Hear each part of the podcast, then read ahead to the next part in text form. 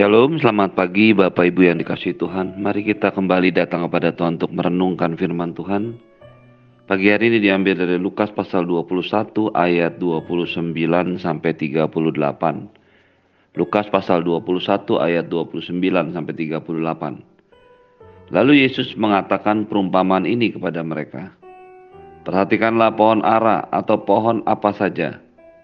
Apabila kamu melihat pohon itu sudah bertunas, kamu tahu bahwa dengan sendirinya musim panas sudah dekat. Demikian juga jika kamu melihat hal-hal itu terjadi, ketahuilah bahwa kerajaan Allah sudah dekat.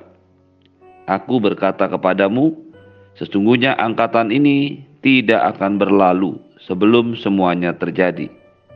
Langit dan bumi akan berlalu, tetapi perkataanku tidak akan berlalu.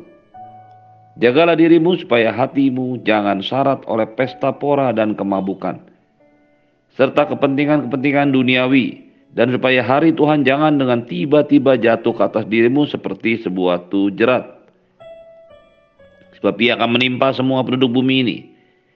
Berjaga-jagalah senantiasa sambil berdoa, supaya kamu beroleh kekuatan untuk luput dari semua yang akan terjadi itu, dan supaya kamu tahan berdiri di hadapan Anak Manusia.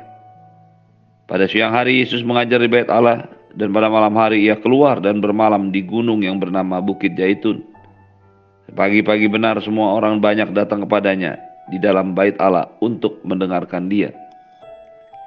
Bapak Ibu yang dikasih Tuhan, kita sudah belajar dari ayat-ayat sebelumnya ketika Tuhan Yesus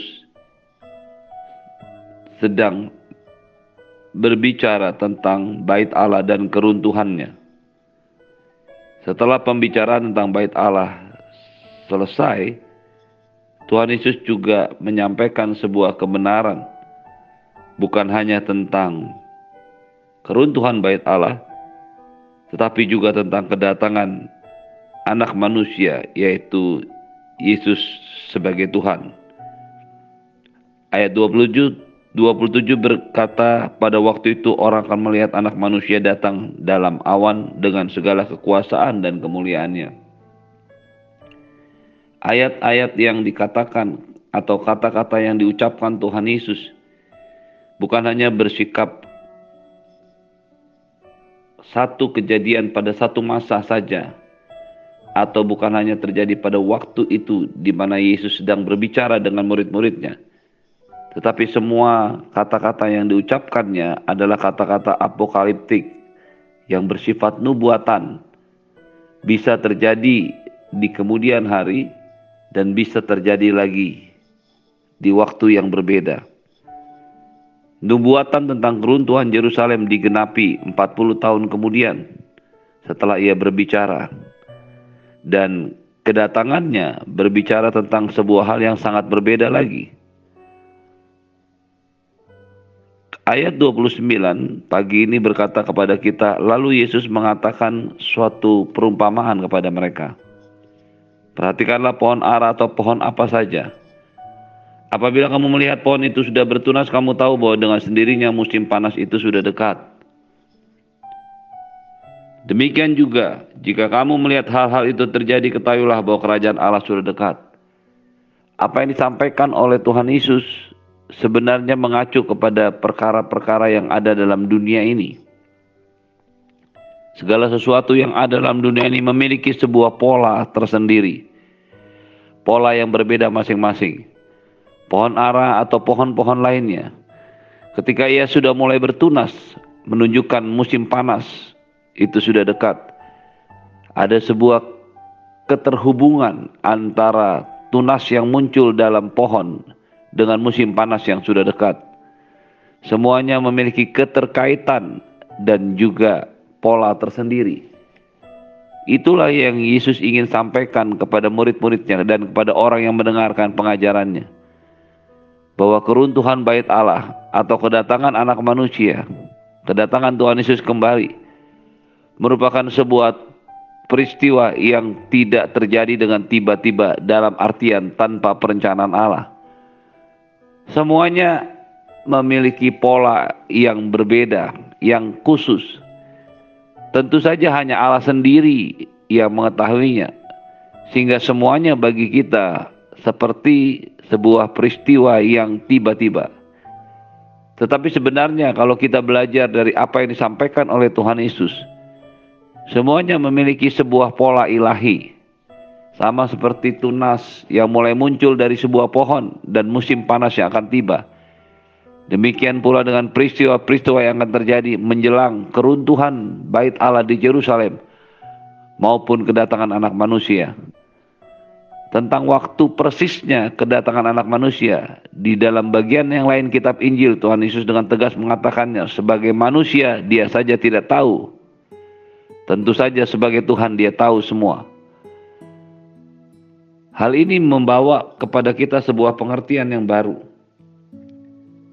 Tuhan Yesus berkata, demikian juga jika kamu melihat hal-hal itu terjadi, ketahuilah bahwa kerajaan Allah sudah dekat apa yang dikatakan oleh Tuhan Yesus, apa yang diajarkan oleh Tuhan Yesus tentang keruntuhan bait Allah, bait suci di Yerusalem dan tentang kedatangan anak manusia adalah sebuah peristiwa yang pasti terjadi. Tuhan Yesus meminta murid-muridnya untuk mengamati tanda-tanda zaman sehingga mereka dapat bersiap, mereka dapat memperhatikan arahan-arahan seperti yang ada dalam alam semesta ada rangkaian sebab akibat ada pola, demikian juga dalam kerajaan Allah. Kerajaan Allah sudah dekat adalah sebuah kenyataan yang ditunjukkan juga dengan tanda-tanda kerajaan Allah yang sudah dekat.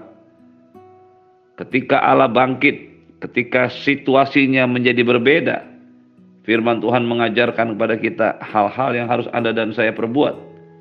Kita tidak boleh ragu terhadap kebenaran, terhadap sebuah kenyataan bahwa dia akan datang kembali, bahwa semua yang ada dalam langit dan bumi ini akan berlalu. Tuhan Yesus berkata, aku berkata kepadamu sesungguhnya angkatan ini tidak akan berlalu sebelum semuanya terjadi. Semuanya terjadi itu adalah kehancuran bait Allah dan banyak dari mereka yang mendengarkan pengajaran Tuhan Yesus yang mengalaminya kemudian. Demikian juga akan ada manusia yang akan datang, yang akan hidup pada saat Yesus Tuhan datang kembali. Inilah yang dimaksudkan sebenarnya oleh Tuhan tentang kepastian kedatangannya, tentang kepastian perkataannya. Itu sebabnya dia berkata, langit dan bumi akan berlalu, tetapi perkataanku tidak akan berlalu. Apa yang sudah dinubuatkan, apa yang sudah difirmankan, akan terjadi.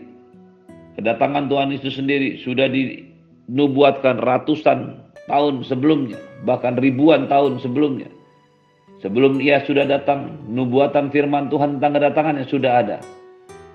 Mungkin bagi beberapa orang hal itu menjadi sesuatu yang terlalu lama. Tetapi yang pasti kerajaan Allah pasti datang. Firman Tuhan pasti digenapi. Apa yang disampaikan oleh para nabi, apa yang disampaikan oleh para hamba-hamba Tuhan tentang firman-firman Tuhan. Yang sudah Anda dan saya tahu dalam firman Tuhan adalah sesuatu yang sangat pasti dan pasti terjadi dalam hidup kita. Karena perkataan Tuhan Yesus tidak akan berlalu. Langit dan bumi akan berlalu. Semua manusia, semua dan segala isinya. Semua dunia dengan segala isinya akan berlalu. Tapi perkataan Yesus tidak akan berlalu. Dia akan digenapi karena perkataannya adalah dia sendiri. Kemudian Yesus melanjutkan bagaimana cara kita menyikapi, cara kita bersikap menjelang kedatangan Tuhan. Ayat 34 berkata, jagalah dirimu supaya hatimu jangan syarat oleh pesta pora dan kemabukan serta kepentingan-kepentingan duniawi. Supaya hari Tuhan jangan tiba-tiba menjadi satu jerat bagi setiap orang percaya, bagi setiap orang yang mendengarkan pengajarannya, bagi setiap orang yang mengaku Yesus sebagai Tuhan. Tidak ada pilihan lain dalam hidup kita di dunia ini untuk selalu berjaga-jaga. Hati kita tidak dipenuhi oleh pesta pora, kemabukan, kepentingan duniawi. Kita hidup di dunia, kita menikmati semua yang diberikan Tuhan di dunia ini. Tapi hati kita tidak boleh penuh, tidak boleh syarat oleh kepentingan-kepentingan duniawi, pesta pora kemabukan. Apa yang ada dalam dunia ini sering kali membuat kita lupa dan mabuk, tidak sadar bahwa semuanya akan berakhir. Firman Tuhan saja yang menjadi kekekalan. Pikiran dan hati kita tidak boleh terbuai bahkan oleh semua yang baik yang diberikan Tuhan kepada kita. Pikiran dan hati kita harus ter, selalu terfokus kepada Tuhan dan kerajaan Allah. Harus terfokus kepada perkara-perkara surgawi, bukan hanya perkara-perkara duniawi. Ketika Anda dan saya mengambil sikap berjaga-jaga, berdoa, dan tidak syarat oleh kemabukan pesta dan kepentingan duniawi, maka hari Tuhan bagi kita adalah sebuah hari pembebasan. Tetapi ketika orang-orang syarat oleh kemabukan pesta pora dan kepentingan duniawi, maka hari Tuhan itu baginya seperti sebuah jerat. Ini jelas dikatakan oleh firman Tuhan bahwa satu kali ketika ia datang kembali, hari Tuhan itu terjadi. Pengkhotbah 9 ayat 12 berkata, karena manusia tidak mengetahui waktunya. Seperti ikan yang tertangkap dalam jala yang mencelakakan, dan seperti burung yang tertangkap dalam jerat, begitulah anak-anak manusia terjerat pada waktu yang malang, kalau hal itu menimpa mereka secara tiba-tiba. Karena kita tidak tahu kapan persisnya kedatangan Tuhan. Pikiran dan hati kita bisa terbuai oleh semua yang bersifat duniawi, pesta pora kemabukan. Ketika hal itu terjadi, maka hari Tuhan akan menjadi seperti sebuah jerat yang datang tiba-tiba. Tetapi ketika Anda dan saya mengikut Tuhan dengan segenap hati, sepenuh hati, dengan sesungguh-sungguhnya, semurni-murni hati kita kepada Tuhan, maka hari Tuhan itu akan menjadi sebuah hari pembebasan bagi kita. Hari di mana kita melihat semua janji Tuhan digenapi dalam hidup kita. Itu sebabnya Tuhan Yesus mengajar kita satu kebenaran bahwa ia akan menimpa semua penduduk bumi. Hari Tuhan itu akan menimpa semua penduduk bumi. Dengan tegas ia berkata berjaga-jaga senantiasa sambil berdoa supaya kamu beroleh kekuatan untuk luput dari semua yang akan terjadi itu dan supaya kamu tahan berdiri di hadapan anak manusia. Tuhan Yesus meminta murid-muridnya, meminta orang-orang yang mendengarkan pengajarannya, meminta Anda dan saya untuk berjaga-jaga sambil berdoa senantiasa. Sikap berjaga-jaga kita tidak bisa terjadi pada waktu yang lampau saja. Sikap berjaga-jaga dan berdoa kita tidak bisa kita rencanakan di waktu yang akan datang. Setelah Anda dan saya melakukan atau menikmati semuanya. Berjaga-jaga dan berdoa adalah sebuah sikap hati yang selalu ada, harus selalu ada dalam diri kita. Inilah yang menjadi sebuah concern, sebuah perhatian setiap orang percaya. Bahwa hidup Anda dan saya sebenarnya adalah hidup yang terus berjaga-jaga sambil berdoa. Bagaimana atau mengapa hal ini harus dilakukan? Hal ini dilakukan dengan tujuan yang pertama, supaya kita luput dari semua yang akan terjadi. Supaya kita luput dari peristiwa-peristiwa yang memabukkan, yang membuat hari Tuhan menjadi sebuah jerat bagi kita. Tetapi sebaliknya kita akan mampu berdiri melihat keselamatan yang daripada Allah. Tujuan yang kedua, berjaga-jaga senantiasa sambil berdoa supaya kita tahan berdiri di hadapan anak manusia. Kata tahan berdiri berasal dari bahasa Yunani yang memberikan kepada kita kesiapan hati untuk berdiri, kesiapan hati untuk datang layak berdiri di hadapan Tuhan.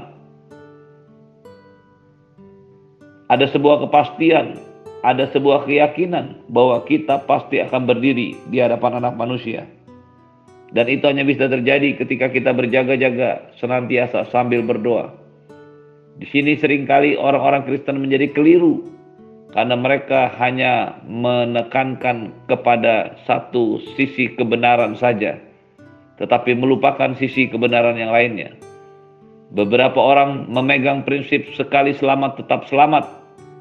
Tidak ada yang salah dengan prinsip ini, tapi prinsip ini tidak boleh mengabaikan satu kebenaran bahwa Anda dan saya diminta untuk berjaga-jaga senantiasa sambil berdoa.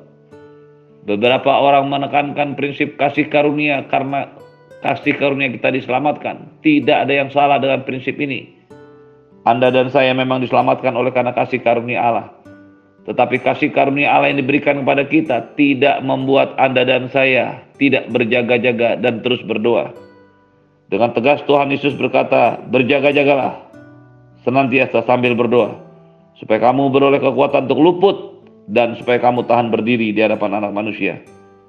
Itulah yang diajarkan oleh Tuhan Yesus pada waktu siang hari dan pada malam hari dia bermalam di bukit yang bernama Jaitun. Pagi-pagi semua orang datang kepadanya di dalam bait Allah untuk mendengarkan dia.